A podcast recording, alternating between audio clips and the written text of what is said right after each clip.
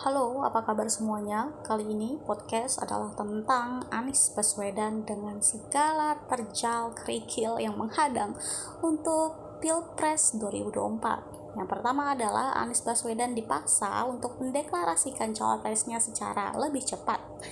Um, salah satunya adalah dari Partai Demokrat, tapi tentu pasti Anies Baswedan pun tidak mudah untuk dibujuk mendeklarasikan siapakah cawapresnya ataukah memang sebenarnya Partai Demokrat menginginkan AHY putra dari Susilo Bambang Yudhoyono mantan Presiden Indonesia yang keenam untuk bisa mendampingi Anies Baswedan karena center terdengar sebelum-sebelumnya bahwa AHY uh, menginginkan menjadi cawapresnya Anies Baswedan. Tapi tentu Anies Baswedan tidak mudah untuk mau mendeklarasikan cawapresnya secara cepat karena akan menguntungkan dari segi rivalnya yaitu PDIP Perjuangan dengan juga Partai Gerindra. Nantinya dua partai tersebut mereka akan lebih mudah untuk memasangkan cawapresnya antara Ganjar Pranowo dan Prabowo Subianto untuk bisa um, seperti menekan atau menyamai level dari cawapresnya Anies Baswedan. Yang kedua adalah di survei-survei besar Anies selalu berada di urutan paling buncit atau yang ketiga. Di survei-survei besar tersebut biasanya di nomor satu atau dua itu ada Prabowo Subianto atau Ganjar Pranowo. Mereka berdua selalu ada di urutan satu atau dua di survei-survei besar. Tetapi ada yang unik bahwa jika di survei-survei bebas seperti di Twitter dan yang lainnya, Anies Baswedan selalu berada di urutan paling atas. Apakah kemungkinan kredibilitas dari lembaga-lembaga survei besar ini bisa dipertanggungjawabkan atau itu hanya pesanan aja? Dan yang ketiga adalah sebelumnya PDIP Center merencanakan ketua Masjid Istiqlal menjadi cawapresnya Ganjar. Ini um, rutenya, strateginya sama seperti Joko Widodo yang mencalonkan calon wakil presidennya yaitu Ma'ruf Amin.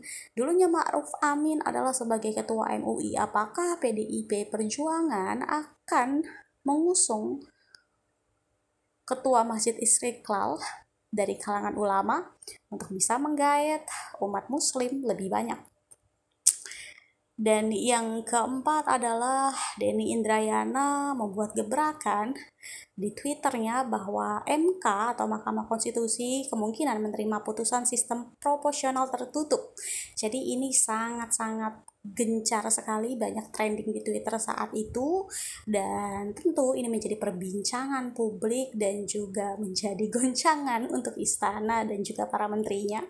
Dan yang uniknya adalah ketua Mahkamah Konstitusi adalah adik ipar dari Joko Widodo jadi um, Denny Indrayana Denny Indrayana saat itu berpikir bahwa apakah um, ini dilakukan untuk menjegal kandidat Anies Baswedan untuk bisa uh, menjadi calon presiden di 2024 gitu. Tapi untungnya akhirnya dengan kegonjang-ganjingan itu MK memutuskan sistem proporsional masih terbuka.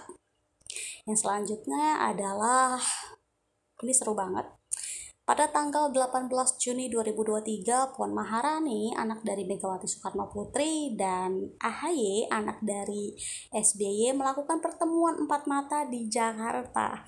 Jadi, sepertinya apakah benar bahwa Partai Demokrat sepertinya um, belum 100% berada di kubunya Anies Baswedan atau di Partai Nasdem. Jadi, sebenarnya SBY ini terlihat sekali ingin membuat anaknya AHY AHY bisa menjadi cawapresnya Anies Baswedan. Tetapi seharusnya jika dilihat dari track recordnya AHY, harusnya SBY tidak boleh ngoyo karena melihat latar belakangnya Anies sebagai akademisi dan juga sebagai seorang mantan politisi juga dan banyaknya um, latar belakang yang oke tentu tidak mudah untuk bisa menerima misalnya cawapres seperti AHY yang terlihat belum banyak pengalaman dari segi bidang politik dan juga mungkin yang lain-lain gitu. Jadi pertemuan kali ini sebenarnya seperti tes ombak untuk Anies Baswedan.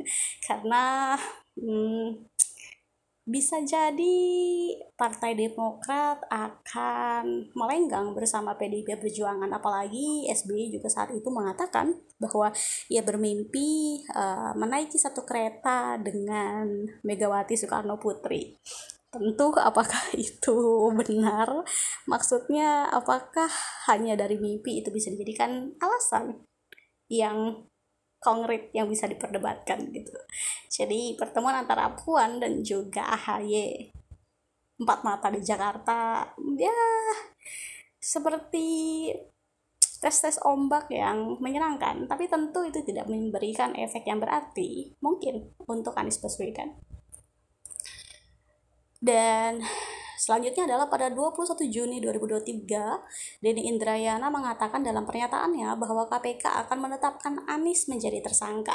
Sebelumnya, Anies telah sempat diperiksa di tahap penyelidikan terkait dugaan kasus Formula E.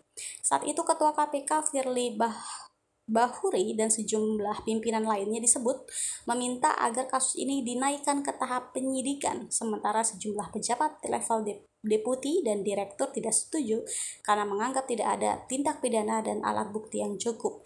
Ini akan relevan dengan perpanjangan masa pimpinan KPK yang sebelumnya 4 tahun menjadi lima tahun. Dan ini menurut Indrayana berbau politisi, jadinya Firly Bahuri tetap menjadi pimpinan KPK yang diduga hmm, bisa bersekongkol dengan Presiden Joko Widodo untuk bisa menjegal Anies di Pilpres 2024. Jadi, menurut Denny Indrayana, untuk menyelesaikan tugas memukul lawan, oposisi, dan merangkul kawan koalisi sesuai pesanan kuasa status quo. Jadi, selalu memang hmm, kasus Formula E dijadikan ancaman kepada Anies Baswedan untuk ditersangkakan padahal sampai sekarang buktinya pun belum cukup.